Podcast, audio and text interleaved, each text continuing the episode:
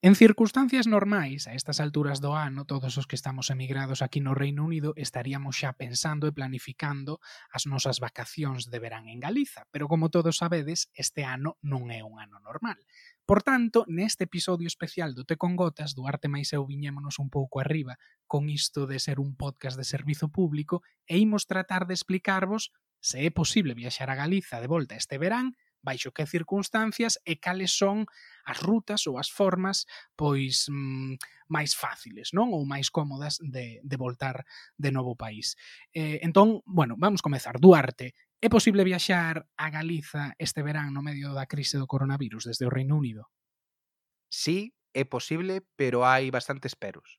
O primeiro pero, de entrada, que durante o mes de xuño, polo menos durante o mes de xuño, a recomendación do goberno de España é non viaxar recomendan que a non ser que haxa unha causa de forza maior ou que haxa algunha necesidade especial, recomendan non facer a ruta entre Reino Unido e o Estado español. A partir de xullo, pois a cousa vai ser distinto. A intención do goberno español é abrir eh, abrir completamente as fronteiras, o espazo Schengen e o Reino Unido, pero iso aínda faltan moitos detalles pois para eh, para saber todos os, os procedimentos que haberá que cumprir para, para daquela. En calquera caso, se alguén precisa viaxar a Galiza en, en xuño que saiba que sí que sendo, sigue sendo posible, o espacio aéreo está aberto, sigue habendo aeroportos que funcionan, e o Estado español permite a entrada pois en algunhas circunstancias. Ah, a pois aos cidadáns que do Estado español tamén permite a entrada a xente que teña residencia e xeito permanente no Estado español independentemente da súa nacionalidade, así que se queredes eh, ou se precisades, máis que se queredes, se precisades ir a Galiza eh, neste mes, neste mes de xuño, como podes facer se tes que voar eh, a Galiza en xuño? Pois sí, como dicías, o espazo aéreo eh, do Estado español segue aberto, pero non hai vos directos a Galiza. Por tanto, a única forma de chegar ali, se queres facelo a través de avión, é pasando por algunhas, algún dos principais aeroportos do Estado, como Barcelona ou como Madrid. Tamén hai opcións a través de Valencia e Las Palmas, a pesar de que leva bastante máis tempo, pero bueno, mellor por cuestión de, de precios pode, pode compensar. Ese non tamén esta opción de enviaxar ao Porto. Agora mesmo hai conexións desde Londres, por exemplo, con Ryanair e con Wizz Air, esta aerolínea húngara, e desde ali pois hai unha conexión directa de bus alsa ata a Coruña, ou senón, pois podese pasar o día, facer noite no Porto e o día seguinte pola mañá coller o tren que leva a Galiza. Pero bueno, unha vez se chegue o Estado español neste caso, hai certos requerimentos, non? Ou certas eh, cousas novas con respecto ao que nos atopábamos antes dos tempos do coronavirus, non é?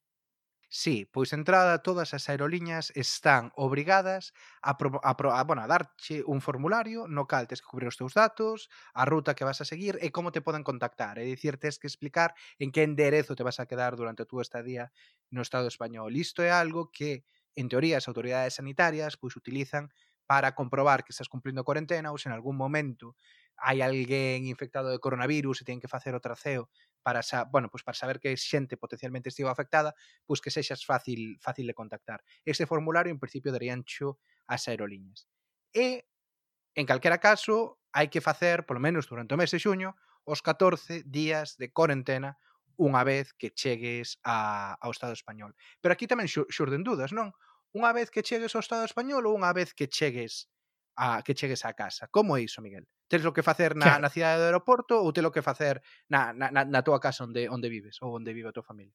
Pois non, neste caso a corentena deberíase facer na túa casa, no teu fogar de residencia. Isto é algo que consultamos eh, coa Dirección Xeral de Seguridade. Tamén, bueno, neste caso teño un amigo que traballa eh, na alfándega do aeroporto de Barcelona e dixeronme pois que mentres o teu DNI ou o pasaporte prove que a túa residencia ou a túa orixe está en outra localidade, pois lóxicamente non vas ter que facer a corentena en Barcelona ou en Madrid se aterras ali e non tes onde caer caer morto, por así dicilo. Por tanto, non habería ningún problema, nin a priori se che debería solicitar ningún tipo de documentación oficial, máis alá do teu DNI ou, ou pasaporte, pois para xustificar que te estás movendo ao teu lugar de, de residencia.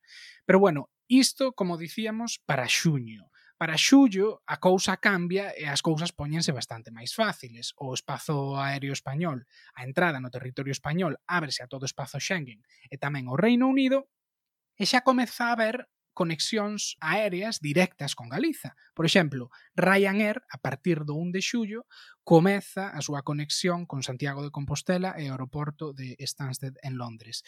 En principio, só vai operar martes e xoves e sábados e os billetes xa están á venta. Agora, para que vos fagades unha idea, por exemplo, o primeiro martes e primeiro xoves de xullo están a 37 libras, billete só de ida, e o sábado están a 113 libras.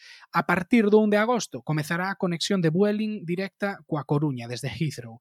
Esta conexión será a priori todos os días. Eh, inicialmente falábase de se Vueling podía comezar en xullo, pero finalmente eh, a semana pasada confirmaron que os seus plans é comezar o 1 de agosto. En este caso os prezos, pois como doito acontecer con Vueling mmm, rumbo Coruña, están un pelín máis altos. Para o primeiro sábado e primeiro domingo están a 194 euros, 130 34 euros os dous só ida. E bueno, e claro, outra pregunta que vos faredes é e que acontece, paso as vacacións en Galicia, pero que acontece cando teña que voltar ao Reino Unido? Bueno, pois cando voltas ao Reino Unido aí hai varias cousas. De entrada, hai, aplícase unha nova normativa a partir deste luns. Así que dous días despois de que sai este podcast xa vai haber unha norma que se aplica.